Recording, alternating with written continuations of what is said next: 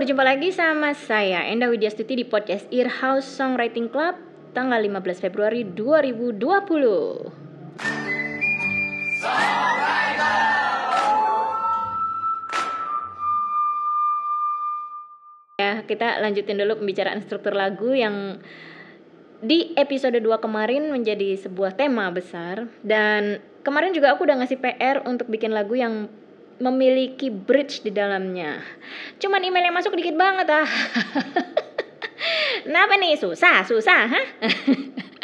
Kalau nggak susah nggak jadi PR ya gengs.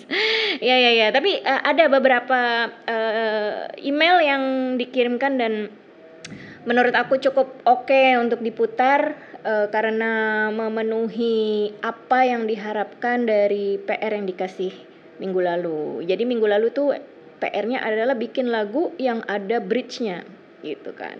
Nah, ngomong-ngomong soal struktur aku akan review sedikit ya tentang struktur yang minggu lalu dibicarakan. Struktur itu ya seperti biasa misalnya ada intro yaitu awal mula kita mau masuk ke lagunya yang biasa disebut dengan verse. Kemudian habis verse kita masuk ke chorus chorus itu adalah bagian yang diulang-ulang dalam sebuah lagu. Jadi dia diputar beberapa kali gitu ya. Sekalian pasti nyangkut lah sama chorus atau ref nama sebutannya. Habis itu kemudian biasanya juga balik lagi ke verse. Terus kemudian ada bridge-nya. Bridge itu adalah bagian yang mungkin di dalam lagu cuma sekali kamu dengar habis itu dia nggak terdengar lagi karena nggak berulang. Dia bertugas untuk memberi nuansa yang berbeda atau ada penyampaian sesuatu yang berbeda dalam sebuah lagu di struktur juga ada yang namanya pre-chorus. Jadi kalau buat variasi ada juga yang suka nulis lagu verse atau song. Habis itu ada free pre-chorusnya ya kan yang yang sebelum masuk ke chorus itu ada pre-chorusnya. Kalau kemarin aku nyontohinnya lagu Katy Perry da da da da da da da da Habis itu masuk ke chorus Ya, terus kemudian uh, mendapatkan contoh yang baik lagi dari Michael Jackson. Lagu Heal the World. Habis first atau song the place in your heart and another did it Habis itu ada pre-chorusnya. Be together if you get enough for living.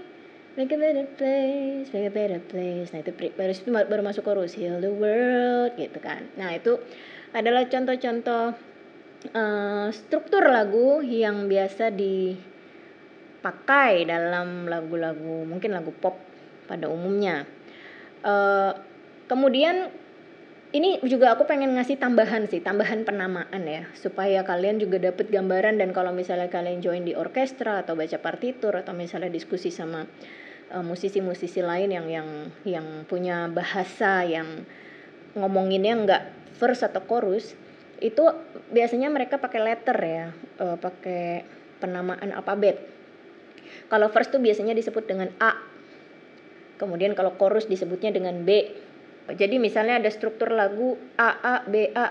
Berarti verse-nya dua kali per satu verse dua chorus verse gitu. A A B A. Contohnya kayak lagunya Radiohead yang High and Dry.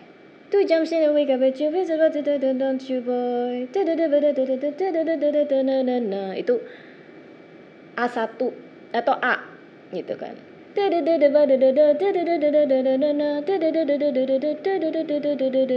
itu A lagi. Jadi dia ada verse 1 verse 2 kemudian ref. Don't let me hide don't let me hide. Ya itu masuk ke B. Jadi ada penamaan-penamaan letter. Nah terus kalau bridge gimana Mbak Endah? Ya bridge itu jadi dia C. Jadi sesuatu yang berbeda. Jadi kalau misalnya ada struktur lagu yang contohnya uh, A A B A B C B. Nah, ini kayak ngasih pin ini ya password email atau password apa? A A B A ya kan? Habis itu uh, B C B. Ini berarti A verse 1, A verse 2 ya enggak? Terus B chorus, terus A verse 3 bisa jadi ya.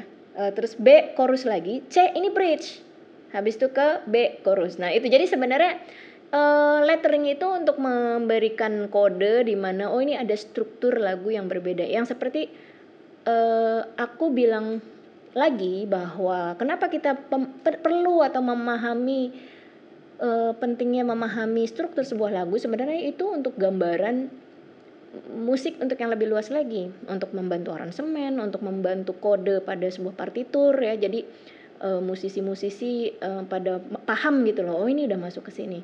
Gambaran aransemen karena misalnya sudah dibagi-bagi jadi mudah untuk memasukkan aransemen oh di verse 2 gua kasih ini ah shaker atau misalnya gua kasih kick atau gua kasih biolanya di A3 deh gitu. Jadi dengan adanya gambaran-gambaran plotting tentang struktur ini terhadap lagu yang kamu bikin dia bisa membantu kamu berkomunikasi dengan musisi lain yang bertugas mengembangkan atau juga membantu untuk mengeksekusi kira-kira nanti aransemen atau misalnya nanti pembagian partnya seperti apa. Jadi kurang lebih itu. Nah ini ada PR-PR kembali lagi ke PR ya.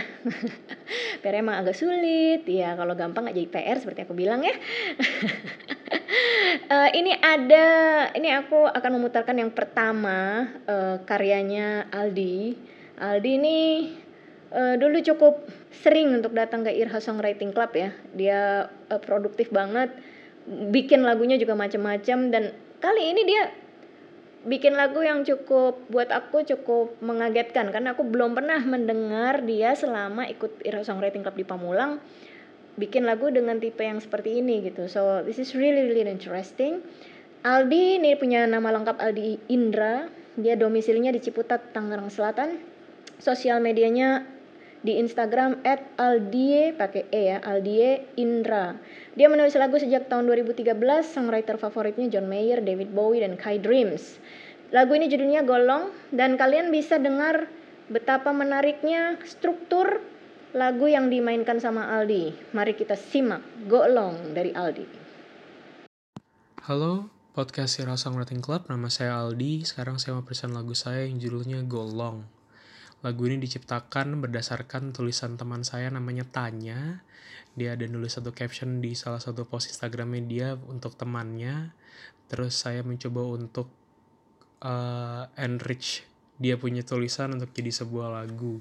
Strukturnya itu adalah ref, lanjut ke verse saya yang mungkin rap, terus ada verse 1, ada verse 2, balik ke ref lagi, terus akan ada bridge dan diakhiri dengan ref ya well uh, silakan disimak semoga berkenan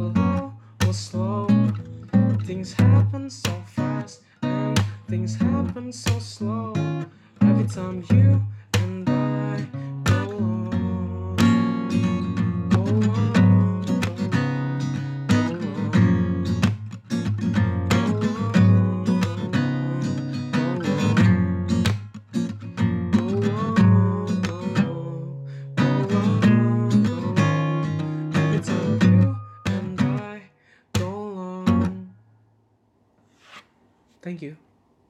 Yes, itu tadi karyanya Aldi seru banget Aldi. Wah, gua sangat salut sama lo ya karena eh, ini tipikal lagu yang gua baru denger nih karya lo yang kayak gini.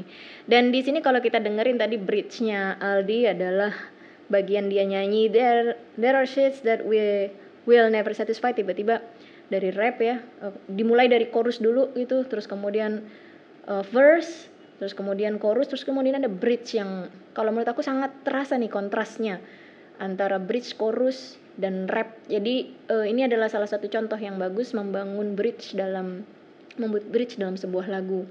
Eh, thank you banget dan terima kasih sudah ngirimin karyanya yang luar biasa.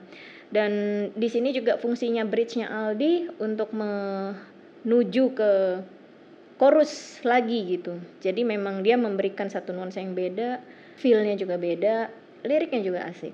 Oke. Nice, nice, nice. Oke, lanjut lagi.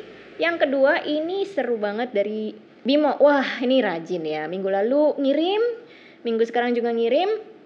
eh Bimo ini sedang membuat proyek musikalisasi puisi dengan teman-temannya. Media sosialnya Bimo @bimantorokus itu di Instagram dan Twitter. Penulis lagu favoritnya Iga Masardi dari Bara Suara dan baru-baru ini menyukai lirik-lirik dari Gusti Arirang Tasura. Wah, ya memang ini dua ini bagus-bagus sekali kalau bikin lirik ya. Dia menulis lagu sejak tahun 2010. Minggu lalu sudah mengirimkan lagu dengan uh, struktur yang sangat sederhana verse dan chorus. Kali ini aku sangat mengapresiasi karena di sini strukturnya sudah mulai agak kompleks dikit ya. Jadi ada verse, uh, kemudian ada ref dan kemudian ada bridge-nya. Kita dengerin, ini lagunya judulnya Percakapan Sepertiga Malam. Halo para pendengar, ini lagu kedua saya yang saya kirim di podcast Earhouse Songwriting Club. Jadi lagu berjudul Percakapan Sepertiga Malam ini sebenarnya berisi keluhan dan kemarahan saya. Eh, ini menggambarkan seseorang yang sudah berjuang sedemikian rupa untuk hidupnya, cuman tidak tidak tidak ada progres yang dia rasakan gitu. Jadi ini sebenarnya kayak hamba lagi ngomong ke Tuhannya gitu. Ya semoga bisa dinikmati. Berasa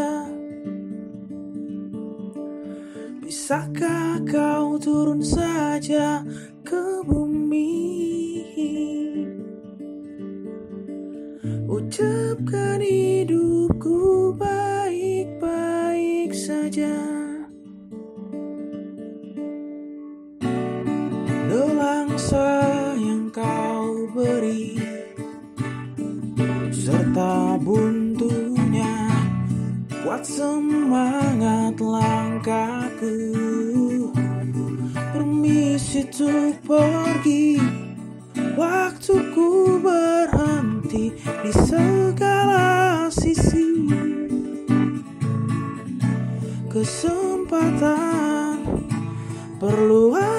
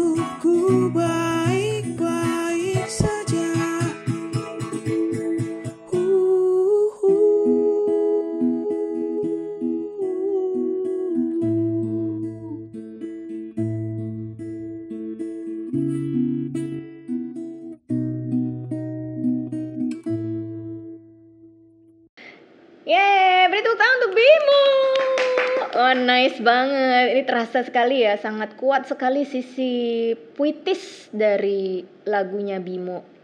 Keep writing ya, Bim. Maksudnya terus nulis karena eh, sangat aku sangat menikmati eh, tulisanmu.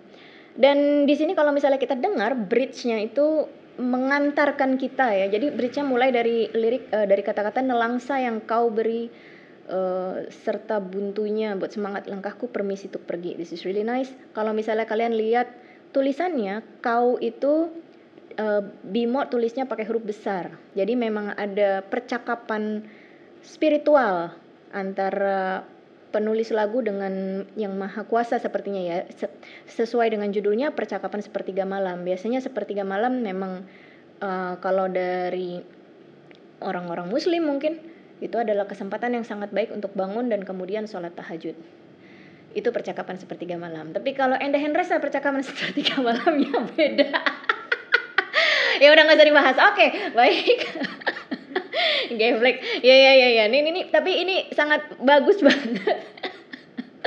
Karena em, di sini fungsi bridge-nya yaitu mengantarkan ke chorus dan kemudian memberi kejutan ke modulasi. Jadi eh, chordnya naik, chorusnya tuh chordnya naik eh, lebih tinggi daripada yang sudah-sudah. Dan dan ini adalah salah satu fungsinya bridge memang. Jadi dia memberikan ancang-ancang bisa seperti itu ya. Dia memberikan ancang-ancang terhadap sebuah perubahan apa nih. Karena kalau misalnya dia kembali ke chorus aja tentu saja itu sudah bisa tertebak. Tapi ini adalah sebuah kreativitas ketika mengaransemen tentu saja. Secara struktur sebenarnya ini eh, sangat sederhana. Hanya dibilang seperti eh, verse ya kan? Verse 1 verse 2 gitu. Terus kemudian chorus eh, kemudian ada bridge-nya dan kemudian chorus lagi. Sesuatu cuman ketika memang ini mm, dipahami struktur-struktur ini dia bisa memberikan ide ah ini nanti berarti di chorus yang setelah bridge aku giniin ah gitu. Atau misalnya nanti ketika kalian masuk ke sebuah aransemen yang instrumen eh, apa penambahan instrumen em, bisa juga nanti begitu ada bridge gue mau eh, down tempo atau misalnya gue mau ada apa kejutan apa gitu bisa dengan memahami struktur-struktur itu sebenarnya kita bisa membantu berpikir sistematis terhadap what next step apa yang akan kita lakukan untuk mengeksekusi sebuah lagu sampai dia jadi. Ini adalah satu contoh yang asik. Sukses untuk proyek musikalisasi puisi dengan teman-teman ya. Eh, Bimo salam dari aku. Ditunggu tentu saja. Pokoknya kalau ngerjain PR dan kemudian seru bisa dibahas akan diputar ya. Oke, selamat untuk Bimo. Dan next kita punya Yuda. ini juga rajin sekali udah ini kemarin datang ya ke Irha Songwriting Club di Pamulang kemudian dia ngirim Eh, Yuda ini minggu lalu juga sudah diputar eh, di podcast Irha Songwriting Club sekarang dia mengirimkan lagi aku memperkenalkan lagi namanya Yuda berdomisili di Tangerang Kota akun media sosialnya Yuda Ignati dia punya penulis lagu favorit Morrissey, Bob Dylan, Jim Morrison, Georgia Smith dan dia sudah membuat lagu sejak 4 sampai 5 tahun yang lalu. Dia membuat lagu judulnya Walking Dead. Uh, ini menarik karena kalau didengar-dengar ya, uh, Yuda nih dia memberi sesuatu yang beda dari yang minggu lalu. Minggu lalu bikinnya mayor ceria-ceria, tiba-tiba dia sekarang ngirimin yang minor yang agak sendu atau mungkin agak sedikit intimidatif gitu. Ini menarik menarik banget membuktikan bahwa Yuda punya kekayaan harmoni dalam membuat sebuah lagu. So, mari kita simak dulu Walking Dead dari Yuda Ignati. Halo, jadi ini proses dibalik penulisan lagu Walking Dead. Jadi ceritanya itu adalah tentang seseorang yang hidup tanpa otak. Itu sama aja kayak zombie. Gua tulis sekitar setahun yang lalu, kalau nggak salah, setengah tahun lah, setengah tahun yang lalu. Terus dilanjutin bridge-nya kemarin. Sekian. Thanks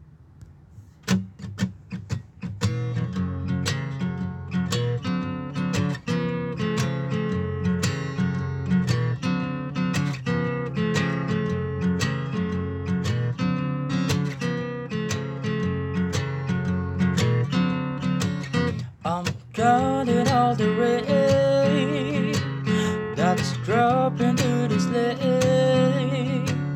Got something in my brain that I can't explain. I'm losing all my faith. I've sailed it to the grave. Feel nothing in my brain. Cause I'm a walking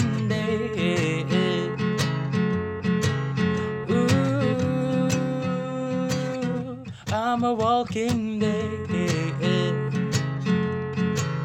Ooh,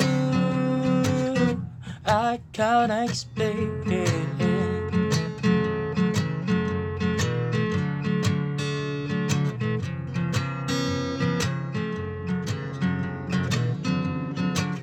Although even though I could stay,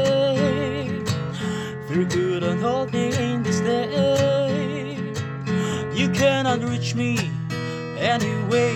In this time, the dawn is calling, but I lose my sense. Cause I'm a walking dead.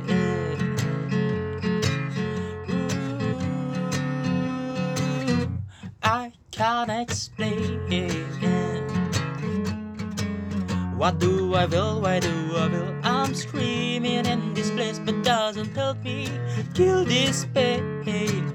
Time's almost up, but I still don't know who I am. I wanna hear, I wanna hear. They see me in this place, but proud to swear me, still me. Hey, hey. Time's almost up, but I still don't know who I am.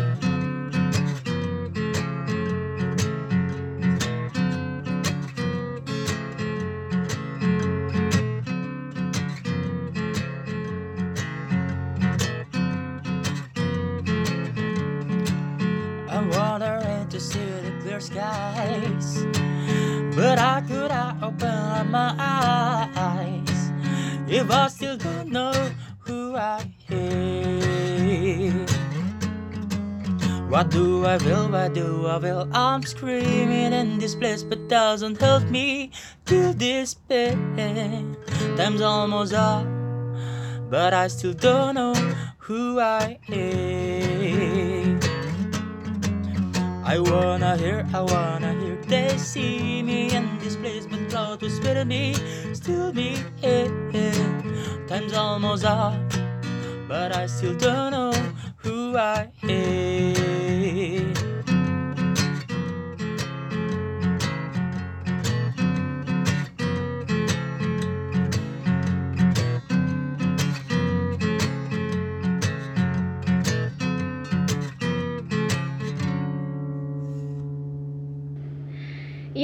Nah, beri tepuk tangan untuk Yuda. ini menarik banget. eh ini memberiku pelajaran juga nih Yuda nih. Dia sudah nulis lagu ini udah lama, ya kan? Udah udah beberapa bulan eh, yang lalu. Tapi kemudian dia baru nambahin bridge. Ini membuktikan bahwa kadang-kadang mungkin kita ngerasa gitu ada satu materi yang kita belum merasa belum selesai gitu. Jangan buru-buru dibuang jangan buru-buru dilupakan beda kalau misalnya temanya mantan nih kalau mau lupain ya udah. Misalnya dulu pacaran tiba-tiba jadi mantan lo mau nggak eksekusi lagi? Ya itu urusan lo lah bukan urusan gua ya. Tapi maksudnya di sini di sini ada ide yang dulu pernah terekam mungkin belum tereksekusi. Kebetulan juga mungkin belum direkam secara serius terus tiba-tiba dapat satu knowledge baru gitu ya. Dan kemudian bisa balik dan menulis atau menambahkan sesuatu di dalamnya. Nah ini adalah satu apa ya ibaratnya ya satu proses dari sebuah lagu. Sebuah ide proses dari sebuah ide. Bahkan e, bahwa ide-ide dalam membuat lagu itu dia tidak pernah berhenti. Dia akan selalu berkembang. Tiba-tiba kita bisa menambahkan banyak hal gitu. Ya ke, e, kebetulan mungkin lagu ini mungkin Yuda belum pernah rilis sebelumnya dan masih ada kesempatan untuk memberikan bridge sebagai variasi sehingga bisa memperkaya lagu. Tapi bukan berarti lagu yang tidak punya bridge juga nggak kaya enggak ini yang bisa mengetahui apakah lagu ini selesai atau tidak memang biasanya memang kata hati dari senimannya atau kata hati dari yang punya lagu gitu. Tapi memang ketika dia bisa ditambahkan dan itu memberikan kepuasan ya bagus banget gitu. Jadi dalam artian berarti memiliki keinginan untuk kayak mengkaji kembali karya yang lama seperti apa dan kemudian memperbarui. Dan menurut aku itu memang sudah selayaknya seorang seniman atau musisi penulis lagu untuk selalu mengaktualkan knowledge-nya, mengaktualkan ilmu-ilmu yang didapatkan. Kalau memang bisa diterapkan ke karya-karya yang terdahulu menjadi suatu hal yang baru, kenapa tidak? Atau memang bisa menciptakan hal yang baru juga nggak apa-apa. Jadi kalau misalnya teman-teman masih punya banyak voice note voice note ya di dalam handphone ya, jangan di delete all. kalau bisa di save aja karena one day suatu hari ketika kalian dengar-dengar lagi mungkin bisa menambahkan atau memberikan apa istilahnya ya, memberikan hal yang baru, suntikan baru terhadap karya-karya kalian. Ya, jadi kurang lebih seperti itu. Nah, karena kita lagi membahas bridge, aku jadi ingin membahas sedikit lagi tentang bridge supaya kalian benar-benar paham. Karena aku tahu tidak mudah tidak mudah untuk membuat bridge dalam sebuah lagu. Uh, jadi masih menyambung ya dengan pembahasan episode kemarin. Tapi mungkin sekarang akan lebih mendalam gitu. Uh, mendalam mengenai bridge ini. Jadi apa sebenarnya bridge? Fungsinya apa? Dan apakah perlu ada bridge di setiap lagu jadi bridge itu memang adalah bagian lagu yang kontras dari bagian struktur lagu lain. Ini bridge biasanya penulis lagu bisa lebih leluasa berkreativitas seperti keluar dari roots yang tiba-tiba menyajikan sesuatu yang berbeda dalam sebuah lagu. Maksudnya roots itu mungkin ini ya um, lingkaran misalnya kalau misalnya chord yang kita sudah bisa menebak kalau verse dan chorus dia kan memang ada korelasi di dalamnya entah melodi lagunya atau progresi chord. Nah di bridge itu kalian bisa main-main tiba-tiba banting setir ke mana. Uh, kalau ini contohnya bisa dengerin lagu We and Reza oke okay, streaming sekarang ya supaya algoritmanya naik apa sih? Nggak nggak tapi misalnya contoh lagu We nya Enda Reza yang tiba-tiba lari ke chord yang tidak masuk dalam sebuah progresi mayor chord gitu. Sistem mayor sistem mayor scale chordnya dalam dalam lagu itu gitu. Uh, jadi ada bagian we don't need to hide we don't need to run we don't need to. Terus habis itu we are the people. Dan itu juga uh, ibaratnya sebenarnya ada tanda kutip ada modulasi ya modulasi tangga nada ketika bridge itu dimainkan gitu. Jadi naik turun gitu kalau dengerin memang akhirnya bridge itu fungsinya ya begitu. Bisa aja tiba-tiba dia menjadi sangat aneh gitu sangat berbeda. Jadi terasa kejutannya di setiap lagu ada variasinya. Jadi orang tuh begitu dia memahami oh ini kalau verse sudah pasti ke chorus habis itu pasti ke verse lagi habis itu ke chorus. Nah kasih satu satu satu sedikit kejutan dalam sebuah lagumu. Nah bridge itu juga bisa nyambung lagi ke chorus. Seperti tadi contoh yang kita dengar dari teman-teman ya. Masuk lagi ke chorus ke chorus terakhir misalnya atau bagian akhir bridge bisa lebih intens dan mungkin balik lagi ke verse atau ke pre-chorus gitu. Tapi intinya energi yang dibangun di bridge ini itu dia harus jelas harus dibangun menjembatani sesuatu. Menjembatani misalnya eh, bridge yang di Dewa 19 seperti minggu lalu aku bilang Jangan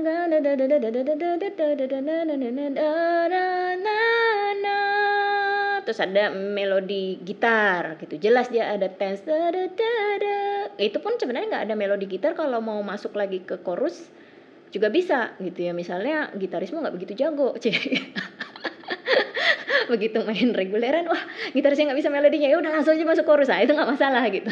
Tapi yang jelas tuh bridge-nya tuh punya punya apa ya dia punya satu ancang-ancang tense eh, apa ya mungkin ada melodi yang kira-kira mengiringi menjembatani untuk menuju ke struktur yang baru. Entah itu ke chorus lagi atau misalnya mau ke ke verse lagi pun nggak apa-apa. Misalnya dana semua terus tiba-tiba uh, masuk lagi ke verse gitu. Misalnya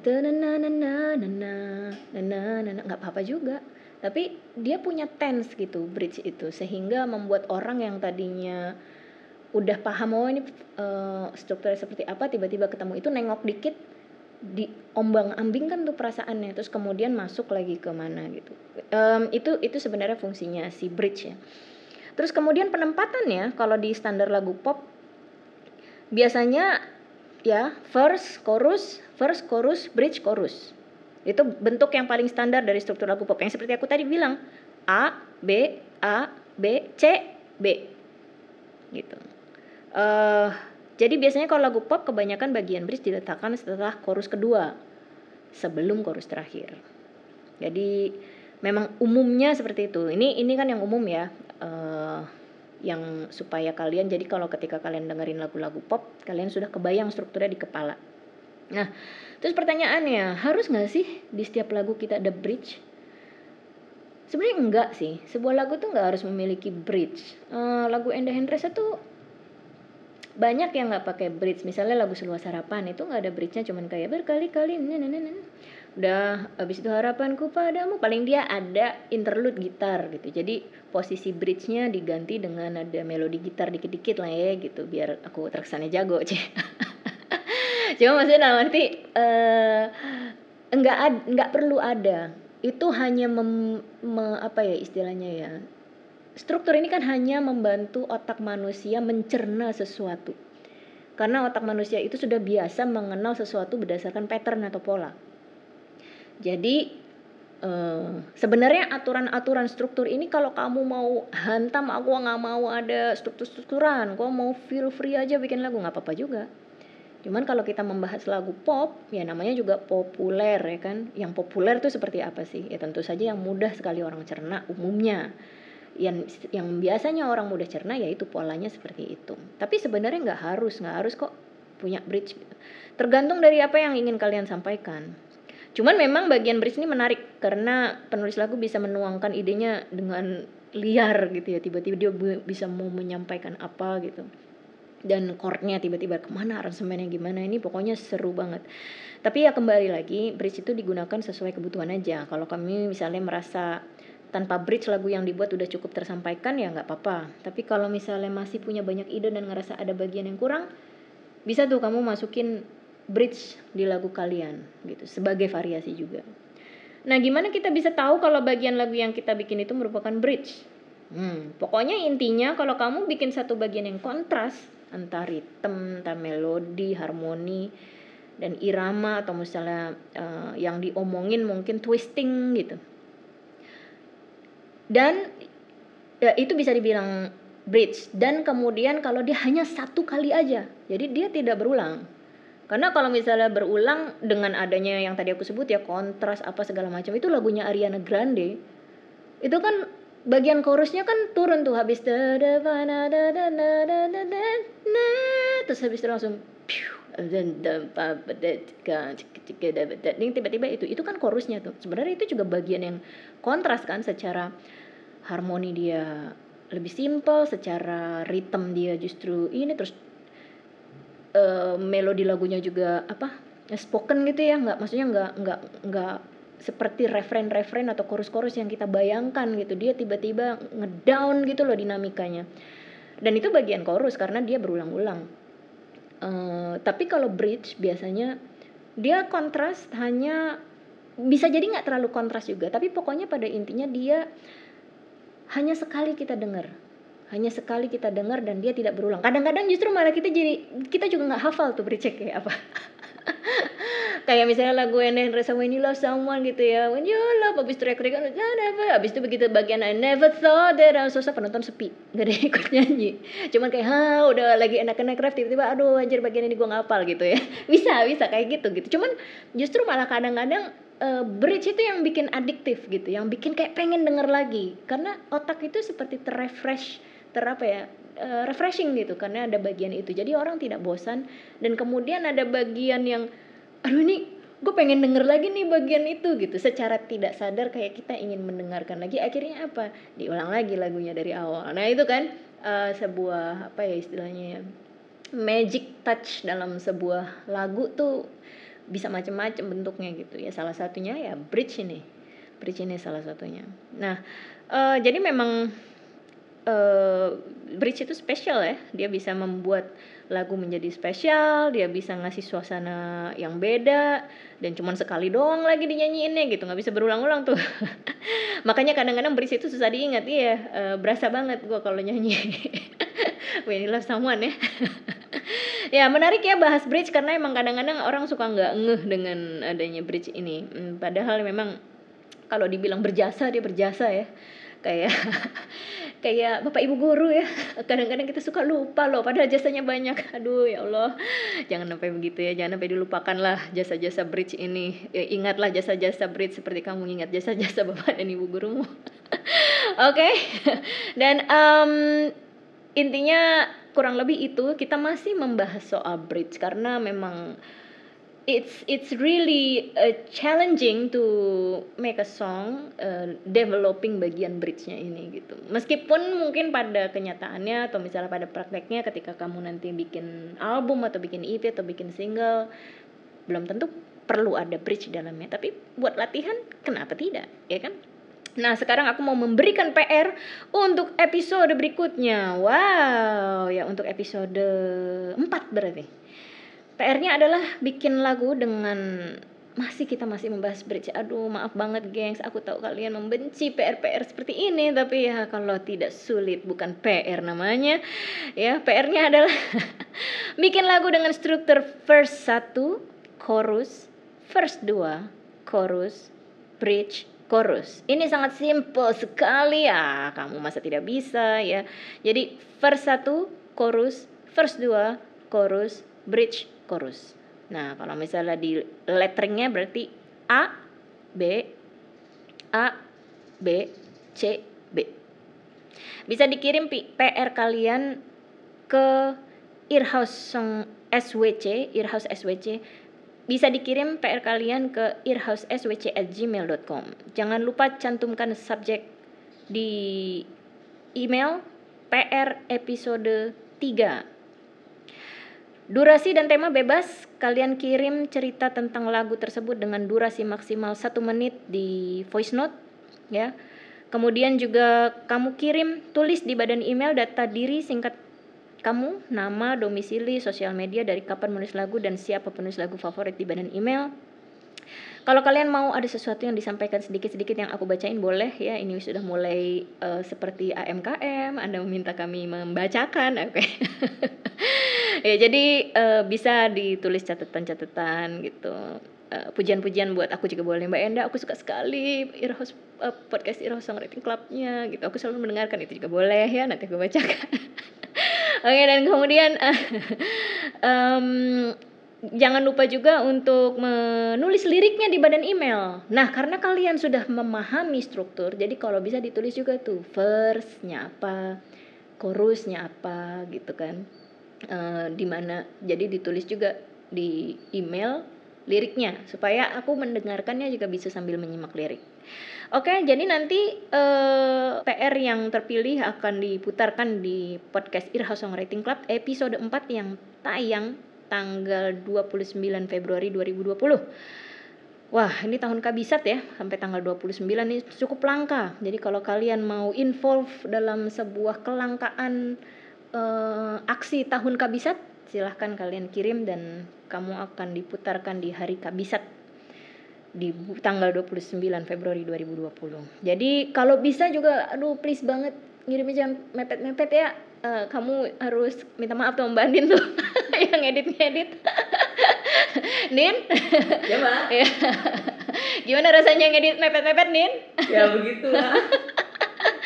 ya, jadi kalau bisa ya kasih spare waktu lah. Kalau misalnya tanggal 29 submitnya tuh tanggal 20 atau tanggal 25 gitu kan. Eh, kasih waktu kami untuk bernapas ya, gengs. Ya, jadi intinya aku tunggu PR kalian dan selamat berkarya. Sampai ketemu tanggal 29 Februari 2020. Survivor!